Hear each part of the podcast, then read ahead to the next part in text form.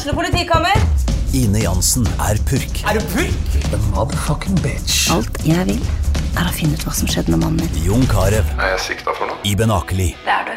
Ole So, Lars Berrum og Big Daddy Karsten. Hvem sin side er du på, egentlig? Anette Hoff, Tone Danielsen, Kommer du fra Afrika? Jørnis Josef, Nesten. Kløfta. Trond Espen Seim, Det er synd å si det, men det var feil mann som døde. Purk. Premiere tirsdag på TV2 Play.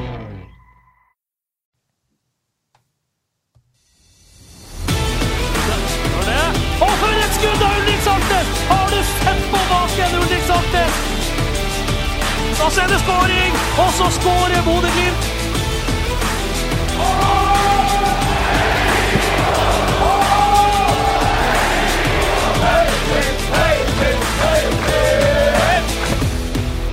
Studio Glimt-podden er her igjen, bare ni små dager før sesongstarten med europacupkamp mot Lech på Aspmyra torsdag 16. februar. Det er sannelig ikke mange dagene til det. Og med meg i studio, Freddy Thoresen og Stian Høgland. Kanskje ikke akkurat, akkurat i studio sånn fysisk, men iallfall på, eh, på link fra, eh, fra Spania. Og vi skal etter hvert uh, høre mer fra, fra deg og treningsleirer i Spania, Stian. For øvrig så skal vi snakke om var det rett av Glimt å si nei til 60 millioner kroner for Hugo Vetlesen? Ser vi slutten på epoken med Brede Mo og Marius Lode som de opplagte førstevalgene på stopperplass? Og hvilke forventninger har vi til treningskampen mot Silkeborg på torsdag? Da er det skåring, og så skårer Bodø-Glimt! Ja, Spania, Stian. Hva kan du eh, rapportere? Vi er skikkelig eh, sugen på siste nytt fra treningsleirer, så kom igjen. Ja, og siste nytt fra treningsleirer i Spania, den eh, suger ordentlig. For uh, i dag, på dagens trening, så var jeg innom eh, gymmen før jeg skulle ta et bilde av en av fysioene til Bodø-Glimt. Og derfor ble jeg møtt av et sjokk, for der var det ni spillere på gymmen. Eh, blant annet Patrick Berg, Isak Helstad Amundsen, Gilbert Komson, Brysven Bangomo, eh, Fredrik Anne Bjørkan, Sondre Brunstad Fet, eh, Fredrik Sjøvold, Runar Espejord. Eh, så tenkte jeg ja vel, det var jo liksom føre var. Så for jeg ned på treningsfeltet, og da forsvant Lars Jørgen Salvesen ut til den samme gymmen. Og Glimt eh, som eh, Freddy kunne jo sikkert, eh, Når han vet at det er to dager før kamp, så kan sikkert Freddy kunne ha fortalt dere nøyaktig, minutt for minutt, hvordan Glimt ville ha gjennomført den treninga. I dag så var det tysker, altså firkant, og så var det fotballtennis, og så ble halvparten sendt av banen, og så var det noen få som hadde noe avslutning, rolletrening, på slutten. Så det, var, det er rett og slett De måtte ta ned belastning i dag, og har tatt ned belastning ganske mye på, på en del som har kjent i beina at det har vært trent ganske så hardt i Spania så langt. Men, men det du sier nå, eh, Stian, det er altså at alle de navnene du ramser opp som var på gymmen, det betyr rett og slett det at de er skada? Småskader, tror jeg. Jeg tror ikke vi skal si at uh, alle disse ikke ville ha spilt hvis Poznan hadde vært på i dag. Men at de i hvert fall måtte ta, ta ned belastninga i dag, det er det ingen tvil om. Har det vært steinharde økter de siste dagene som gjør at det her egentlig er ganske naturlig? Det har vært veldig harde økter. og Som man, som man ser? Det, det er fire stykker som har vært ute med litt, eh, litt småsnekker og strekker. Det har vært eh, folk som merker godt på kroppen at det har vært eh, trent hardt eh, over tid, som det ofte er i oppkjøring. Da, da er det ofte i en liten periode at OK, nå er det litt ungt, nå må vi justere litt. og det, det gjorde Glimt i dag. Så det er ikke sånn at jeg er kjempebekymra, men jeg fikk en liten overraskelse når jeg tusla inn på den gymmen. Det gjorde jeg. Ja, hørtes ut som du hadde veldig lyst til å skremme vettet av oss her i, her i studio, i alle fall. For det hørtes jo ikke bra ut, det der.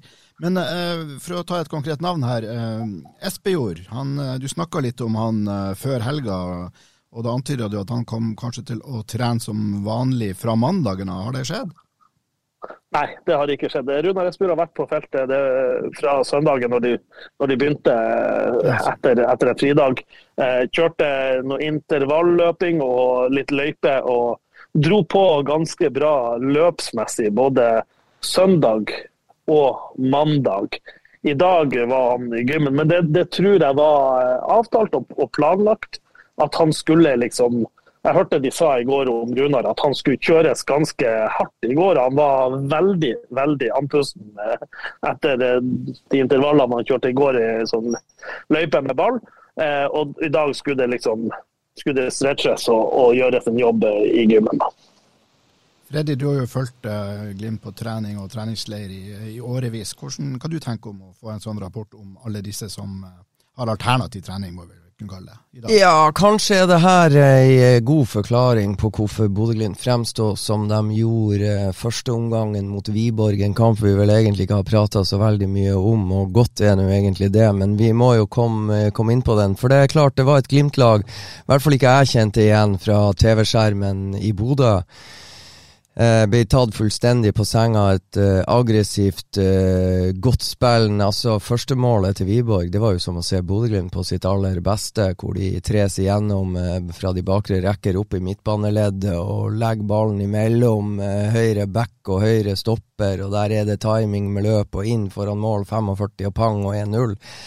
Men jeg har jo prøvd å eh, analysere i min vrede hva, hva er forklaringa på at Glimt fremsto sånn, og så er vi alle enige om at Glimt var bedre i andre omgang, og det kan sikkert Stian si mer om etter hvert. Men de jeg har prata med etter denne kampen, de snakker, peker på én ting, og det er det at de har trent veldig hardt. De har trent hardt og tungt og mye og lagra mye i banken på vei inn mot den kampen der, sånn at eh, det, det, det er vel ting som tyder på at det var et, eh, et Glimt-lag som Altså, det handler ikke om at de ikke vil og at de ikke evner og, og, den slags, men de var sliten i inngangen og har trent hardt. Og her blir jo da en videre bekreftelse på det at de i uke fire må ta det ned såpass mye at han Stian treffer på ni spillere i eh, i, i, fys, I, gang med fysisk trening og restitusjon istedenfor å fortsette hardkjøret på gressfeltet. Så eh, det er en del brikker som på en måte faller på plass.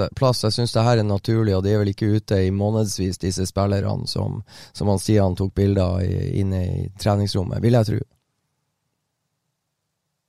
Nei, det vil jeg vel òg tro, Stian, at du vi, vi behøver kanskje ikke å være så veldig, veldig, veldig, veldig, veldig engstelig for det her. Jeg tror ikke noen av de eh, så i dag komme hjem på krykke på, på, på eh, fredagen til Bodø. Nei, det, det, er vel ikke altså Som Patrick kjente litt i, i en fot i går og, og, tok det rolig i dag, men han, han bekrefta i går at nei da, det var ingen fare. Det, dette går bra. Uh, og Jeg hadde jo også en lang prat med Hugo Vetlesen i går, i går kveld. og, og og som han sier da, at Glimt fyra vel ikke på alle sylindrene her nede for ganske, eller for nøyaktig et år siden. eh, I de treningskampene de gjorde da, men de var ganske bra borte mot Celtic ei uke senere uansett. Ja, og så Stian, så eh, selv om ikke Glimt fyra på alle sylinderne, det var et nytt Glimt-lag, mange nøkkelspillere var borte, og de imponerte oss jo både mot Dynamo Kiev, det var kontrollert, eh, 1-0-seier over AGF Århus, eh, syns jo utover i den kampen, så så ble det nå stadig lengre mellom sjansene AGF Fårhus rada opp, mens Glimt ble farligere og farligere. Og siste kampen mot uh, Elfsborg, så var jo Elfsborg-spillerne litt furten etter å ha blitt smadra av AGF Fårhus, og så skulle de ta det opp med Eller ta igjen da med litt sånn harde midler mot Bodø-Glimt, men uh, i kampen etter der, for deres del. Og, uh, men Glimt vant også den, så det der som skjedde første halvtimen mot Wiborg, det håper jeg det er lenge til vi får se igjen. Selv om det antageligvis har eh, naturlige forklaringer, en del av det. Og så ser vi jo at det ble jo det ble jo langt bedre i andre omgang, Stian. Og det er jo et dansk lag hvor uh, det er ikke bare Bodø-Glimt som skal i aksjon mot Lech Poznan. Den danske ligaen begynner vel noe tidligere enn den norske. Så det er jo et Wiborg-lag på vei inn mot uh, serieform, og de spillerne hadde stortrøbbel de den siste halvtimen, for å si det sånn. Ja, og, og, eh, for de som liker å sitte hjemme og se fotballkamper i opptak og analysere, så er det én ting eh, så Det er lett å si at stopperne var dårlige, at keeperen var dårlig, at høyrebackene var, eller backene var dårlige. Men uh, ta og se litt på det presspillet som gjøres. Fra, fra midtbaneleddet. Indreløperne støter ut, sånn som Glimt eh, ofte utnytter at motstandere gjør. Indreløperne støter ut i press. Eh, spiss klarer ikke å lede press. Eh, Patrick Berg blir dratt frem mot den sentrale midtbanen, altså det som man kaller en sekser. Og, skal, og da blir det rom bak indreløperne eh, mellom stopper og midtbanen som Wiborg var steike god på å utnytte. Gang på gang på gang i første omgang. Eh, Der fikk Glimt justert presspillet sitt mye bedre i pausen, og det, det hjalp jo selvfølgelig på. Men mitt spørsmål til dere blir likevel Føler dere at Glimt på dette tidspunkt i 2023 er svakere enn Glimt på dette tidspunkt i 2022? Freddy? Nei, Jeg sitter vel egentlig med akkurat samme følelse nå som jeg gjorde i fjor på denne tida. Jeg kan slå fast med en gang, jeg hadde ikke forventa at det skulle bli 3-1 til Bodø-Glimt uh, på Celtic Park etter at uh, jeg satt i Spania og fikk med meg Celtic lede 3-0 til pause mot Glasgow Rangers noen noe kort tid før Glimt kom på besøk. Så, så jeg, det var ikke det at Glimt var dårlig eller noe sånt uh, på noe som helst måte, for det var det ikke. Men jeg trodde oppgaven kom til å bli for stor for et lag som vi hadde fulgt på treningsleir i tre uker. De har gjort en, en god jobb, men uh, det var veldig, veldig mange nøkkelspillere som skulle Eh, på en måte erstattes, og jeg var vel ikke helt sikker på at Elias Hagen skulle, skulle finne, finne, frem og, og, og, steppe inn i rollen til Patrick Berg sånn helt uten videre, og det samme på stoppeplass. og ikke minst Fredrik André Bjørkan skulle eh, erstattes, men eh, jaggu var det en luring eh, som heter Brisveen Bangomo, som vi jo En god ting kan ikke gjentas for ofte. Han framsto jo som Pelé på venstrebacken for Bodø-Glimt akkurat i den kampen. og så eh, jeg er like spent og faktisk bitte litt mer eh, optimistisk nå eh, enn jeg var før Glimt skulle møte Celtic. Sammen med deg, Stian? Ja, ja altså, altså, jeg er ikke bekymra for Bodø-Glimt. Det, det, det, som er utfordringa, som jeg ser det nå, det er at man er veldig tynt besatt. Det høres jo helt sprøtt ut å si med et lag som har dobbel dekning i alle posisjoner. Men inn i europatroppen så er man tynt besatt. Spesielt i midtbanen, og ekstremt spesielt i den første kampen, når Hugo Vetlesen er ute med gule kort. For det er en ting er at du klarer å stable en veldig slagkraftig elver på banen. Det er ikke det minste tvil om at Kjetil Knutsen og Glimt gjør eh, kvart på sju torsdag om ei uke, eller til en kamp begynner. Eh, men det er når, når en Morten Ågnes Konradsen, som man vel håper skal starte en kampen og spille, når han har løpt seg tom, hva gjør du da? Hva skjer hvis det blir en skade i midtbaneleddet? Hva skjer hvis du får en skade på backplass? Hva har du da å gjøre å bytte inn? For det er det jeg er, mest bekymra for for Bodø-Glimts eh, kamper mot Lech Boston. Men at, at, det kommer til å være slagkraftig elver, det er jeg ikke noe bekymra for. Og en av grunnene til optimisme er jo det vi faktisk fikk se den siste halvtimen eh, mot, mot Wiborg, hvor Amahl Pellegrino kommer inn og, og, viser seg frem for første gang i 2023, og ikke minst Brisveen Bangomo på høyre back. I de to spillerne har du X-faktoren som Glimt har mangla i de kampene vi har sett så langt i sesongen. og og Glimt med og uten Amahl og Bris eh, er jo eh, to forskjellige lag, egentlig. Og, og jeg håper vi får se dem mot Silkeborg. Jeg håper de får arbeidsro frem til Lek Poznan på Aspmyra. Og hvis de to er klar ja, da, eh, da, velger jeg faktisk å være litt optimistisk. Så det var det aller, aller mest gledelige med, med Wiborg-kampen. Det var faktisk at de to fikk loggført de minuttene de faktisk fikk. Da er det skåring! Og så skårer Bodø-Glimt! Midt i treningskampen, den nevnte treningskampen mot Wiborg sist torsdag, så kom da nyheten om at Bodø-Glimt hadde takka nei til et 60 millioner kroners tilbud på, eller bud på Hugo Vetlesen, og det kom fra Feyenoord. Og Budet kom på ettermiddagen på deadline day og ble avvist av klubben, visstnok til stor irritasjon fra Hugo sjøl. Ja gutta, hva sier vi om det her? Var dette en riktig avgjørelse av Bodø-Glimt? Hva du syns Freddy? Ja, hvis det budet her har kommet. Det er jo TV 2 som har slått det fast. Og jeg registrerer at Feyenoord har ikke bekrefta det. Og Bodø-Glimt vil jo som alltid ikke bekrefte noe som, som helst. Har hørt noen rapporter fra Nederland og Feyenoord-leiren hvor de ikke helt eh, går god for at dette tilbudet faktisk kom på bordet. Det er blitt snakka om at Feyenoord hadde to eh, midtbanespillere i sikte, så de ønska å kjøpe begge disse overgangene falt, og Hugo Vetlesen sitt navn dukka opp. Men eh, hvis budet var på 60 millioner, så er jeg redd at jeg er av den formening at jeg er skrudd sammen sånn at da hadde jeg faktisk solgt Hugo Vetlesen. Stian? Nei, Jeg har hørt akkurat det samme som, som Freddy. At, eh, at uh, det, er helt, det, er ikke alle som mener at det kom et uh, at budet kom, men at det var en formal request, altså en formell forespørsel. Men at det, ikke, det er ikke sikkert at det kom så langt at det kom inn et formelt bud. Men uansett, Feyenoord forhørte seg nok, det gjorde de nok. Ja, jeg er enig med Freddy at 60 millioner kroner er vanvittig mye penger, selv for Bodø-Glimt, som har gjort det, det, veldig bra. Så er de, så, så er de jo skrudd sammen sånn, eh, den gjengen her, at de tenker hele tida at de har et ansvar for det produktet de har. Nå har de uh, Ulrik Saltnes, de har Sondre Brunstad Fet ute med skade. De, har, de er tynt besatt på indreløperplass uh, og kommer til å være det en stund fremover. Og Det tror jeg nok veide ekstremt tungt. Eh, og så ble det veldig dårlig tid på å ta en eh, gjennomveid, eh, god vurdering, som, som Glimt ofte vil, gjøre.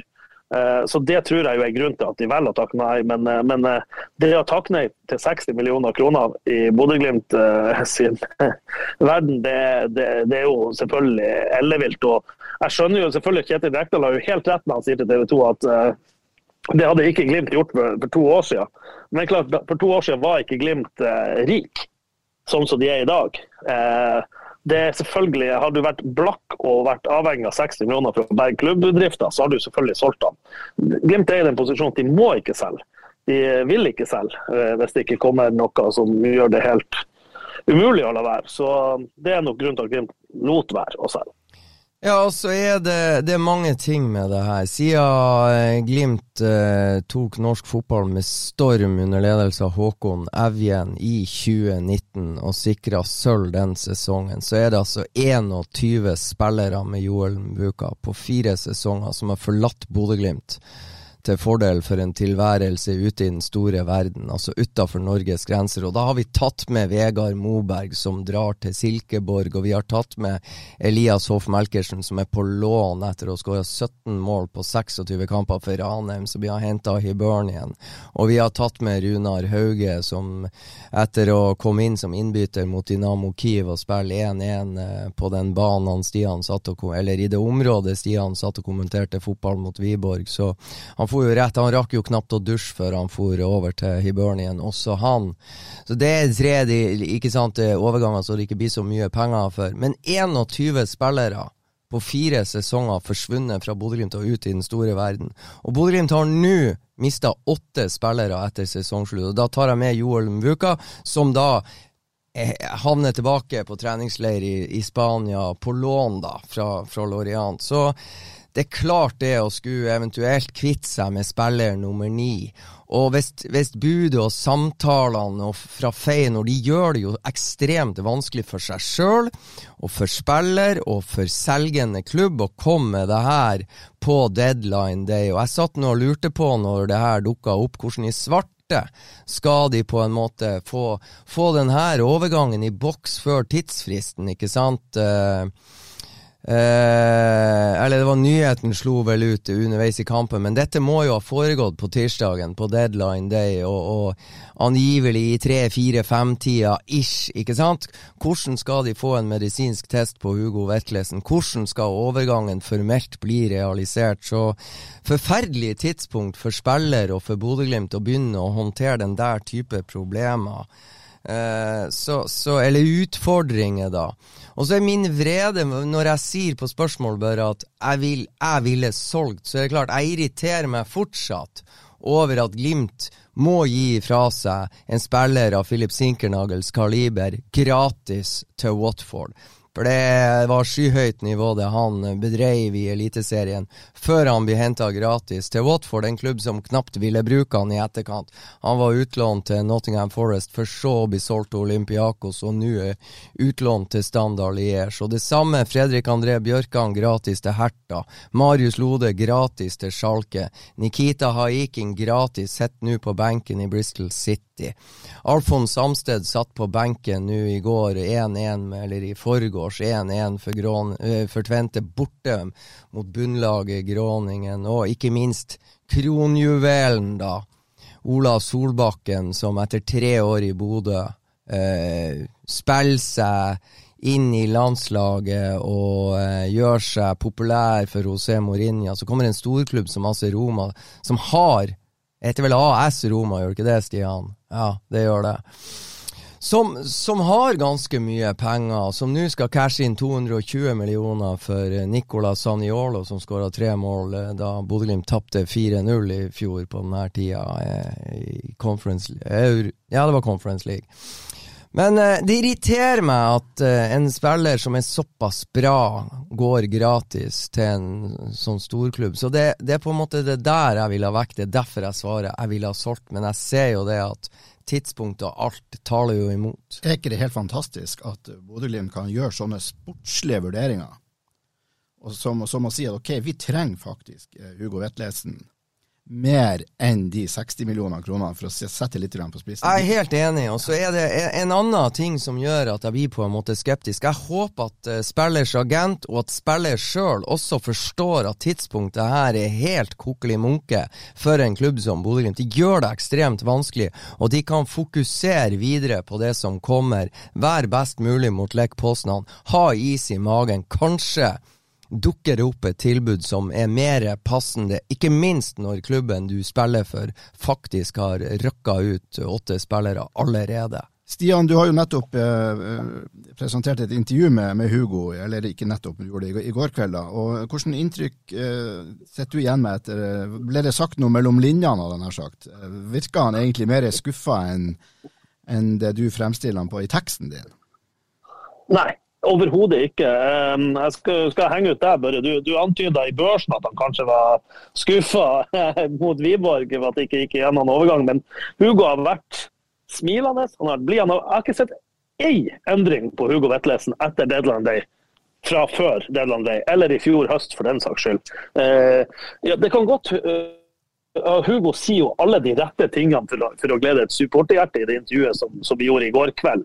Det gjør han jo. Uh, ja, nesten, men, men nesten. Det, virker, det, virker, det virker som det kom 100 fra hjertet.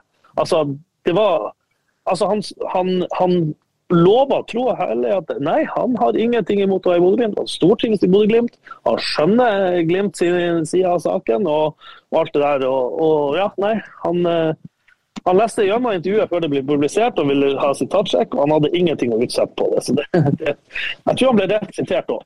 Ja, men, men allikevel, altså, det, det, Hugo Vetlesen sier det i intervjuet ditt på ditt mest interessante spørsmål, av veldig mange interessante spørsmål, så syns jeg det mest interessante var vurderer du å signere ny avtale med Glimt? Og der sa jo mm. han at det, det var nå ikke opp til meg, det er opp til agenten og Glimt. og Han gjorde seg jo helt fremme nærmest for det spørsmålet der.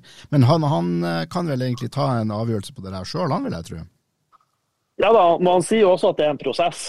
Eh, så, så, det er vel eh, opp til agent og, og Håvard, altså Jim Solbakken og Håvard Sakariassen å legge frem et tilbud eller Glimt å legge frem et tilbud som, eh, som, Hugo skal ta en vurdering på, sammen med de folkene han har rundt seg.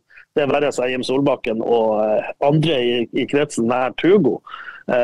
Så, så, kan det jo hende at Hugo lærte av sånn, Ola Solbakken var jo veldig ærlig på at han ville ikke forlenge kontrakt med Bodø-Glimt eh, på et eh, lignende spørsmål. Og Han fikk jo ganske mye tyn før det gjennom hele sesongen, at han hadde vært så ærlig.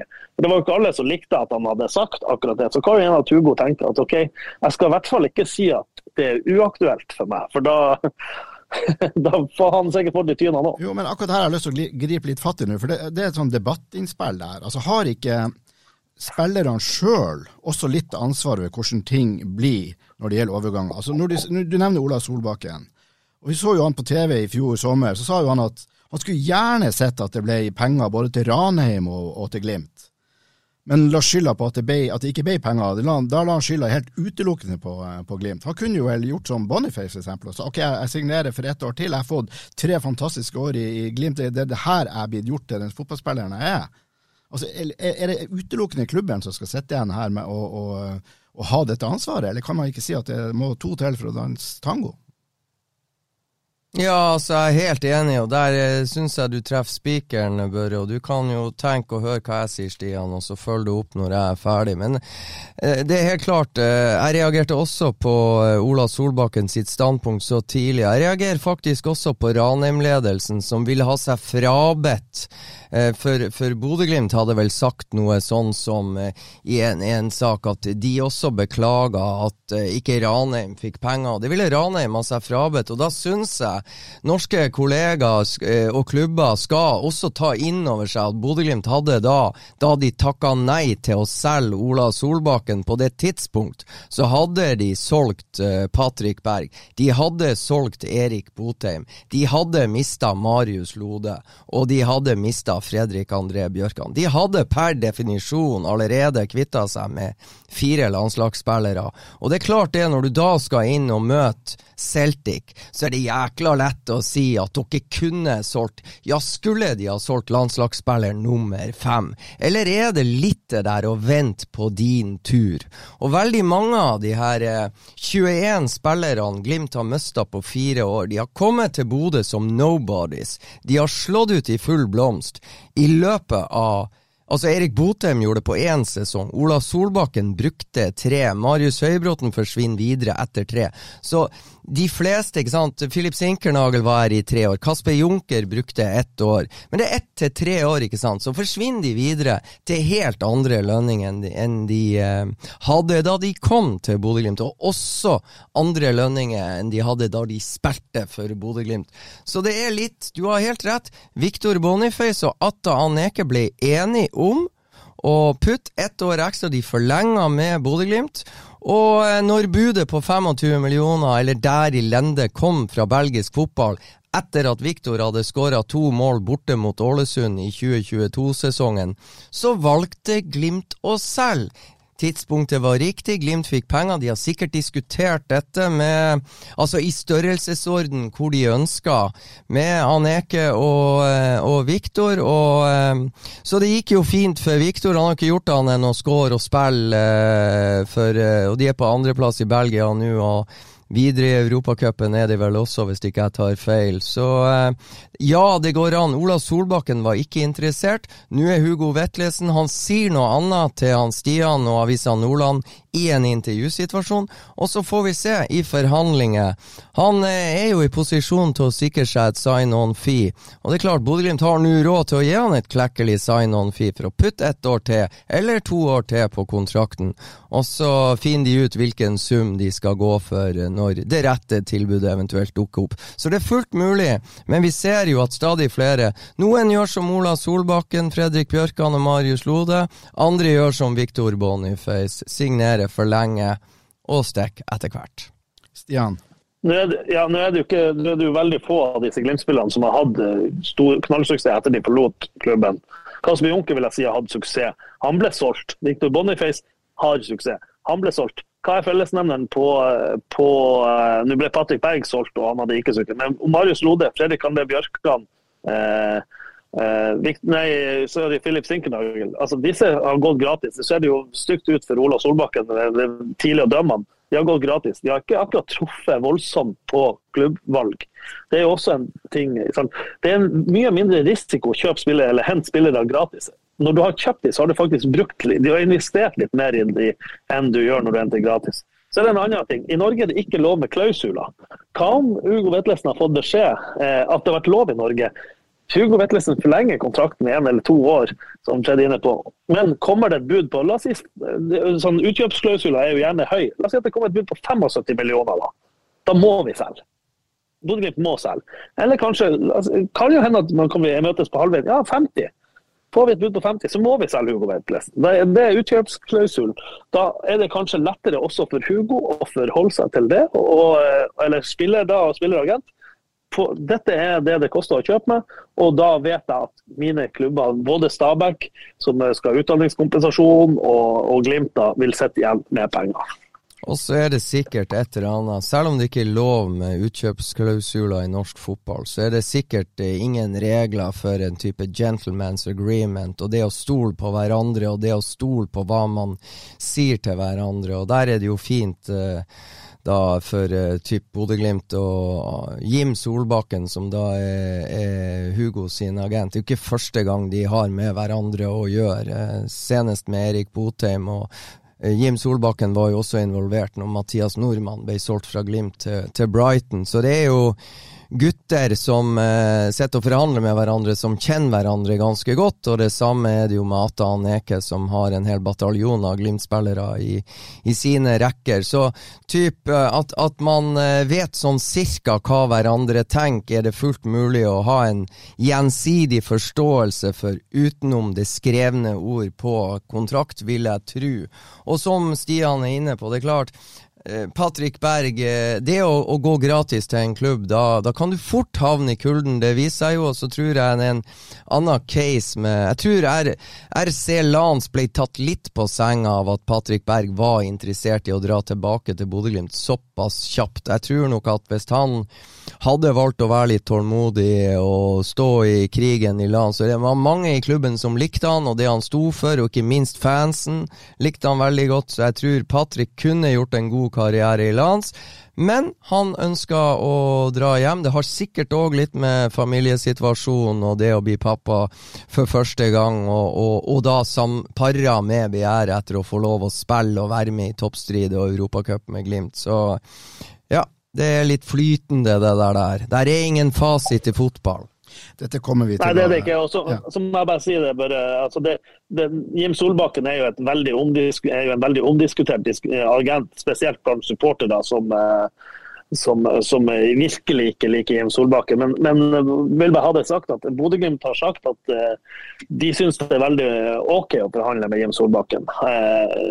Han, de har ingenting å utsette på, på akkurat den biten, så, så er det sagt i hvert fall. Jeg skal bare avslutte denne bolken med å si at jeg håper Hugo eh, rett og slett tar til fornuft, og så tegner han en ettårskontrakt til med Glimt, sånn at det kan bli kanskje en overgang til sommeren som gir både Glimt og Stabæk og alle oss noe å være veldig glad for.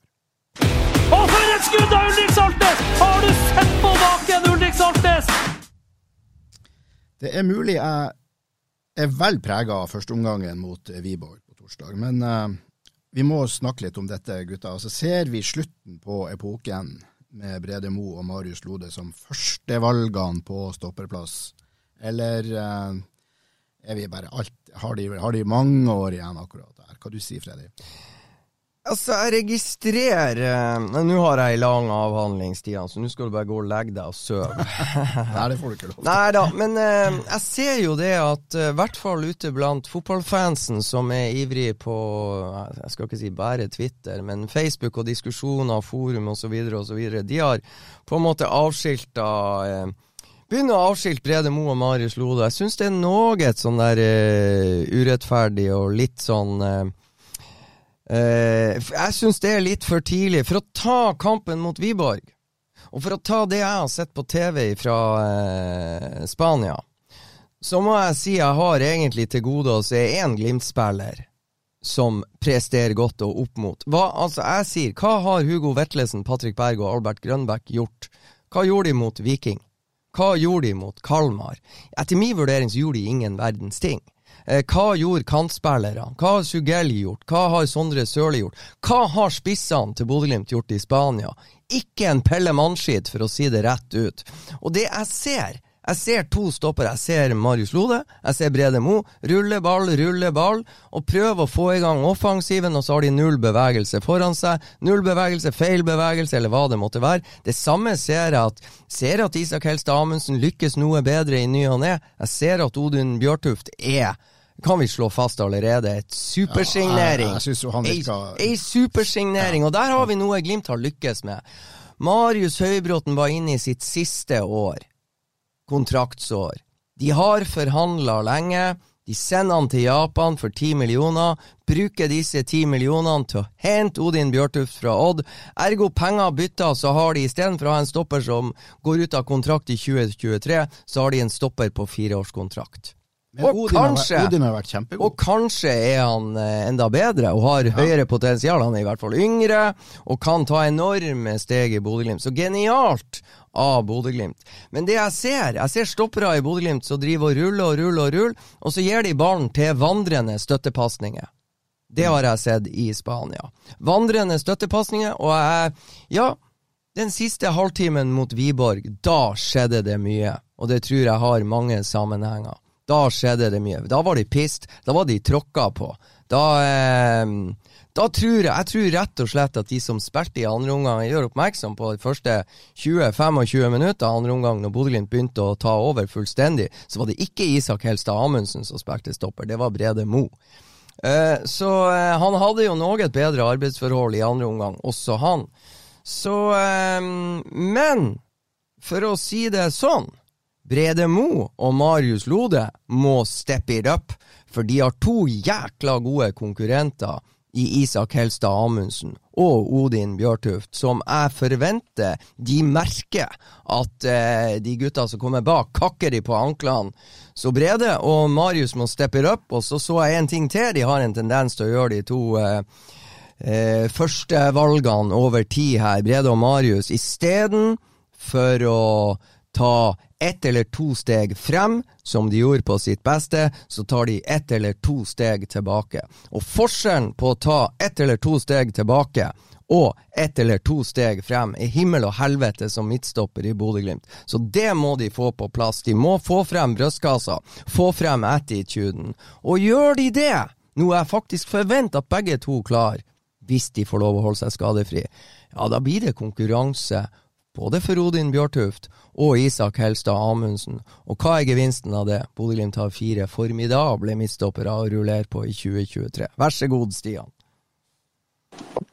Nei, du, du sier jo det som er, er å, å si, Freddy. Altså, jeg syns jo, jo Brede var, var noen hakk over Lode på, på torsdag, også i, også i førsteomgangen. Han, eh, han eh, løper opp et par gjennomspill og viser at han leser spillet godt og har bra fart fortsatt. Så jeg syns Brede var ja, noen hakk opp fra Lode, men jeg er helt enig. Begge to må og Jeg syns Brede har vært god i vinter. Det, det, skal, altså det er førsteomgangen mot uh, mot Wiborg som ikke er bra. Den, den er ikke på normal standard. Ellers syns jeg Brede har vært god i, i treningskampene i vinter. og Han har sett bra ut på trening, men helt enig, de har nå knallhard konkurranse. Odin eh, utfordrer først og fremst eh, Lode, tror jeg, som venstrestopper, mens Isak er den som står og, eh, som du sier, eh, Fredrik, kakker Brede på, på, på hælene for å og har lyst til å ta over den plassen. Eh, For det, det er selvfølgelig mange som lurer på Hvorfor i all verden kommer Odin Bjørtuft inn mot Wiborg, når han ikke er registrert i Europa, mens Isak Helstad Amundsen er registrert i Europa? Det tror jeg går rett og slett på at Ketil Knutsen er så i den kampen. Eh, Det er selvfølgelig ikke noe artig for noen fotballspillere eller trenere å ligge under 4-1 til pause. Så der tror jeg Kjetil, hva kan vi gjøre nå? Hva er det beste vi gjør nå for å, for å snu denne kampen og få en bedre opplevelse her? Og Da mener de at Odin er et bedre alternativ på venstre stopper enn Isak er, og derfor eh, var det han som kom inn akkurat der og da. Så svaret på mitt spørsmål er altså, og jeg spurte om vi ser slutten på epoken med Brede og Marius som førstevalg, det at vi gjør egentlig ikke helt det, hvis de stepper up. De er nødt til å steppe opp begge to, spesielt Marius Lode. Marius Lode gjør det av en eller annen grunn ekstremt vanskelig for seg sjøl. Han klarer ikke å slippe seg løs og være seg sjøl, og det kan også ha noe med manglende bevegelse og den slags foran seg i banen. Det klarer jeg ikke helt å bedømme fra en litt sånn i perioder obskur Jeg ser ikke alle rommene og alle bevegelsene i forhold til den produksjonen vi får med ett kamera og, og, og sånn, men han, han setter seg sjøl i noen kjipe situasjoner. Det må han kutte ut. Og så er det det der og forskjellen på å ta to steg frem og tørre å stå høyt og bryte høyt og være i forkant og være offensiv i innstillinga kontra det der å rygge og måten de rygga på, eh, på disse skuddene fra distanse og, og der, det, det, er jo pinlig. Men de var ikke alene på banen i den kampen, og jeg må bare si den første omgangen der, det var eh, Ja, jeg var ikke fornøyd med Fredrik Bjørkan, jeg var ikke fornøyd med Adam Sørensen, jeg var ikke fornøyd med Julian Faye Lund, jeg var i hvert fall ikke fornøyd med midtbanetreeren, og jeg var overhodet ikke fornøyd med de tre foran på banen. Og jeg har fortsatt til gode å se en god spiss i Spania for, eh, for Glimt. Men nå var temaet midtstopperne. Ja. Og har vi sett Marius Lode egentlig eh, skikkelig god? Jeg så etter- etter Marius etter Lode jævlig god på Marienlyst i siste serierunde. Eh, når Glimt vant 4-2. Ja, jeg syns da var han eh, litt tilbake. Og hvorfor var han god? Jo, det er jo, det er jo to forskjellige ting som møter. Nå ble Marius Lode og Brede Mo de ble de spillerne de var. For at vi ble vant til at de stupte imellom ledd og satte i gang eh, offensiven fra Bodø-Glimt. Nå har jo lagene analysert, og hvordan i svarte skal du stupe mellom ledd kontinuerlig når motstanderen ligger med hele laget på 40 meter? Fra egen keeper. Da er det ikke så veldig mange rom å stupe i. Det du stuper inn i, er en forbanna sekk som motstanderen har analysert seg til. For eksempel Roma. Hva var det som skjedde for Bris Wembangomo når man tapte 4-0 eh, mot Roma på Olympiastadion. Jo, de hadde jo analysert rommene Brisveen Bangomo har eh, angrepet tre ganger mot Roma tidligere. De la den beste defensive spilleren i en sånn der eh, skygge. Og idet Bris stupte inn i rommet, så kommer den beste defensive spilleren til Roma og setter på uh, låsen, og så kommer en, uh, en uh, lagkamerat i sikring og støtte, så de kvelte han hver gang. Det er jo ikke fordi at Bris Wembangomo er dårlig, nei, det er fordi at motstanderen har analysert og, kommer, og har ganske gode mottrekk. Så det er en av forklaringene på, tror jeg, eh, hvorfor eh, vi ikke helt kjenner dem igjen. Men jeg er helt enig. Odin Bjørtuft pusher på eh, Marius Lode, og så vil det, si, vil det vise seg hvordan Marius Lode responderer på konkurransen fra Odin Bjørtuft.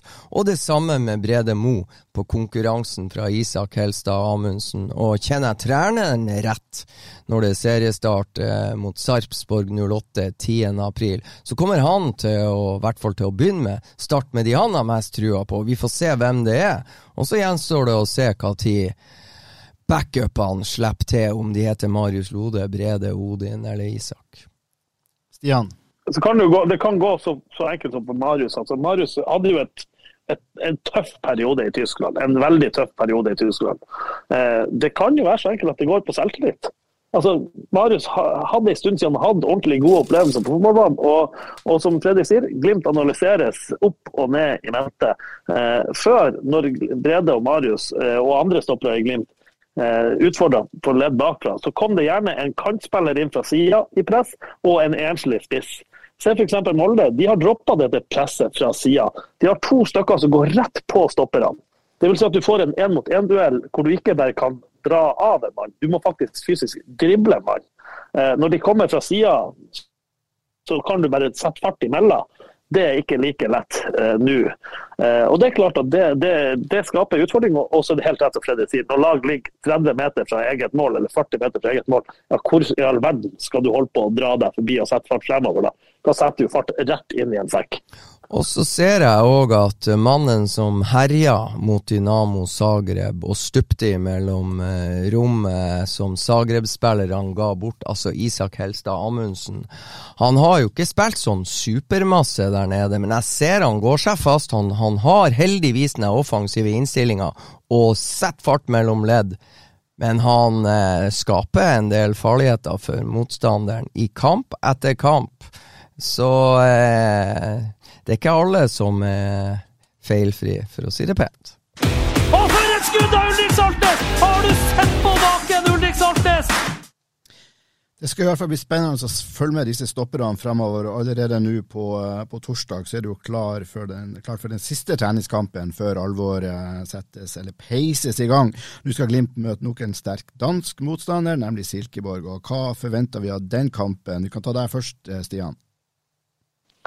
Jeg forventer jo et Glimt-lag som, som bygger videre på andreomgangen mot Wiborg. Eh, At, eh, eh, så håper jeg ikke det blir en sånn kamp hvor folk er redd for å bli skadd og redd for at hvis det skjer noe nå, så går de glipp av kampen mot, mot Basman. At, at, det er en gjeng som kommer på banen og viser at de har lyst å vise frem, og lyst å bevise at den plassen mot Lech Basman er det ingen andre enn de sjøl som skal ha. Så lagoppstillingsmessig så forventer jeg i alle fall jeg, og det er mulig jeg tar helt feil, men jeg forventer i alle fall å ikke se Hugo Vetlesen spille den kampen på torsdag. Hva du tenker du om det, Freddy? Ja, det er akkurat det, for der har jo Stian uh, vært inne og påpekt uh, Er Morten Ågnes Konradsen klar til å uh, på en måte steppe inn og få teste seg som høyre indreløper? En rolle han kanskje er tiltenkt i hjemmekampen mot Lech Poznan? Eller får vi allerede, som vi har vært innom i denne poden, se Joel Mbuka fra start i en høyre indreløperrolle? Uh, så jeg håper at de tankene er tenkt, at vi kanskje får se det. For uh, hvis de skal øve i forkant av et valg de kanskje må ta 16.2, så ville jeg ha hatt eh, Joel Mbuka i 45 minutter i den rollen for å få de, her, de, de bildene og den justeringa, og ikke minst samhandlinga med Patrick Berg og, og Albert Grønbæk, og, og, hvordan vi skal jobbe i lag for å tette disse hullene som Stian påpekte virkelig oppsto. Altså, de må ikke fremstå sånn som de gjorde før pause og bli lurt på den måten som de ble mot, mot Wiborg. Så eh, jeg tror jo det er Joel som er alternativet på høyre indreløper hvis ikke Morten Konradsen skulle bli, bli frisk. Og så er en annen ting, da. Nå vet ikke jeg, Stian, hvor mye Morten har trent eller ikke trent, hvor mye han har vært i spill, hvor mye han har på en måte fått øvd på stor bane med de andre rundt seg. og eh, Så eh, ja, det blir, det blir interessant. Noen valg må tas, i hvert fall. Eh, Morten trente indre, høyre indreløper, eller indreløper, eh, samtlige økter frem til han ble skadda mot eh, Kalmar. Han gikk av han spilte høyre back. Eh, ellers var det kun høyre innløper. Men, eh, men jeg, Fredrik, jeg er ikke så sikker på at det er Joel som er backup-alternativet der. Der vil jeg slenge ut Sondre Sørli. Han spilte jo noen minutter som indreløper mot Lillestrøm i cup i fjor. Hadde vel også, var det hjemme mot Tromsø. Han starta 16. mai, gikk jo ikke kjempebra. Men det tror jeg er en løsning som også er tenkt uten at jeg har fått det bekrefta fra noen, og uten at han har trent der. Det har ikke Joel, heller gjort. Men det er en løsning som jeg tror eh, ligger litt opp i, eh, i tankeboksen til, til trenerne. At det er Joel, nei, unnskyld, Sondre Sørli som nok er foran Joel Mbuka på høyre innløper.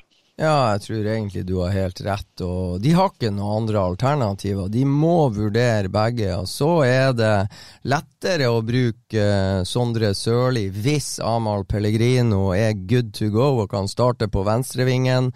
Og eh, da har du jo eh, Joel Mbuka på høyre ving. og det er vel kanskje per nå mer X-faktor enn så lenge på Joel Mbuka enn en Nino Sugelli i utvikling. Ja, og ikke minst defensiv. Og så er det en siste løsning som jeg ikke tror er, er sånn overaktuell, men som jeg vet har vært diskutert blant spillere. Det er å bruke Patrick Berg som høyre innløper.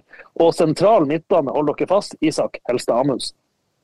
Beistet fra Brønnøysund, ja. All right. Ja, nå snakker vi alternativer som vi ikke helt har uh, sett for oss. Du sier spill, snakkes med spillerne. Uh, har du sett de har, de har diskutert det her på ja. det, det, kan hende at, det kan jo hende at jeg har vært og gått litt i gangene og snakka med spillere. og Hva tenker dere om den sentrale? Men, men, det skal sies, altså bare før folk tar fyr på at dette er løsninga, eh, så er gjengs eh, svar er at tror ikke de gjør noe med Patrick Berg sentralt. De vil nok ikke rokke med Patrick eh, Berg sentralt, men eh, Men det er veldig men, eh, artig, det, artig det, å leke med tanken. Tenk det, i hvert fall. Ja, ja absolutt. Men når det gjelder akkurat den kampen, er det samme bane som uh, mot uh, Viborg, eller skal det tilbake til den arenaen de brukte på de to første? Det blir på La Finca, så mest sannsynlig samme bane. Det er jo to baner der, så de skal se an om bane én eller bane to er, er best. Mest sannsynlig blir det samme bane som mot Viborg. Og kampen går, er flytta fra klokka fire til klokka to på torsdag. Oi, shocking news. Allerede klokka 1400? Midt i arbeidstida til folk. Midt i arbeidstida, og uh, Nå er det jækla mange som blir jækla forbanna, tenker jeg. Ja, det var jo nærmest den eh, største nyheten i denne poden. Ja. Uh, ok, er det, hva, er, hva, er, grunnen for det? De, må de pakke for å komme seg til Bodø, eller hva er det som er bakgrunnen? Det vet jeg faktisk ikke. Jeg fikk en melding i halv elleve-tida i går kveld at jeg var, var flytta til klokka to. Så, men det, Glimt skal av gårde allerede klokka halv ni på fredags morgen. Så det, det kan godt hende at det er rett og slett det. Og så kan det godt hende at det er noe med reise for Silkeborg også.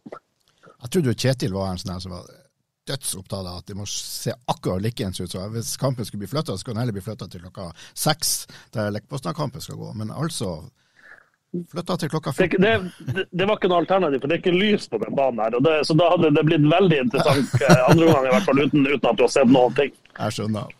Nå skal jeg spørre begge to, hvilke forventninger har du til Bodø-Glimt-Silkeborg klokka to torsdag, Børre? Jeg forventer en seier. Jeg forventer at Glimt er så på, eh, påskrudd og så klar og så eh, ellevill. Jeg vil rett og slett ha en seier i siste treningskamp. Hva du vil se, Stian? Et lag som uh, slipper seg løs og stormer i angrep og ser ut som Bodø-Glimt på, eh, på andre, i andre omgang mot Wiborg. Og du har fasitsvaret. Men du, Freddy? Jeg har ingen forventninger. Han Stian ødela alt når han sa ni spillere var i styrkerommet i dag, og Ja. alle, alle skader. vi, vi er ennå ikke kommet etter kommet Nei, etter jeg, det. Nei, jeg håper å få se Jeg har forventning om å se fortsatt framgang på Brisveen Bangomo, Amahl Pellegrino, og at eh, eh, Hvis jeg får se Brede og Marius Lode, at de fremstår på en annen måte enn de gjorde før pause mot Wiborg, og den samme offensiviteten og innstillinga på Odin og Isak, hvis det er noen av de som, som starter, men eh, at de slipper seg litt mer løs, og at det ikke blir eh, den der eh, Jeg er litt sånn lei av å se rull på fot på fot, vandrende støttepasninger fra alle sammen. Litt sånn der X-faktor-bevegelser fremover. Og jeg eh, syns det er interessant hvor mye bedre arbeidsvilkår det ble for mange utpå der i helgult, bare med Amahl og Brisveen Bangomo sin tilstedeværelse. Så jeg håper å se ei sånn der eh, progresjon i forhold til det, og at også Adam Sørensen klarer å, å slippe seg enda mer løs, og forhåpentligvis får en kamp fra start av da i, i favorittposisjonen sin. Og effekten av f.eks. Bris og Adam eh, samtidig på banen kan bli kjempeinteressant. Det var det vi hadde i denne utgaven av Studio Glimt-podden. Jeg, Børre Arntzen, sier tusen takk til Freddy Thoresen og Stian Høgland. Den største takken går til deg som hører på oss, og husk, an.no er stedet for deg som er interessert i stort og smått i og rundt Bodø-Glimt. Ha det godt! Gjør det. Og for et skudd av Ulrik Saltnes! Har du sett på baken, Ulrik Saltnes? Så er det skåring, og så skårer Bodø-Glimt!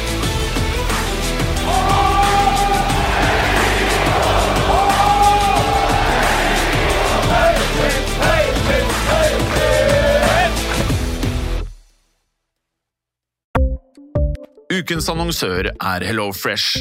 HelloFresh er verdens ledende matkasseleverandør og kan være redningen i en travel hverdag. Mange av oss har nok vandret i butikken både sultne og uten en plan for middagen, som ender med at vi går for de samme kjedelige rettene gang på gang.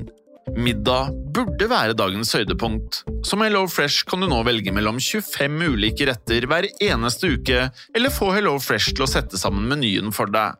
Dette gir deg muligheten til å prøve nye og spennende retter alene eller sammen med familien.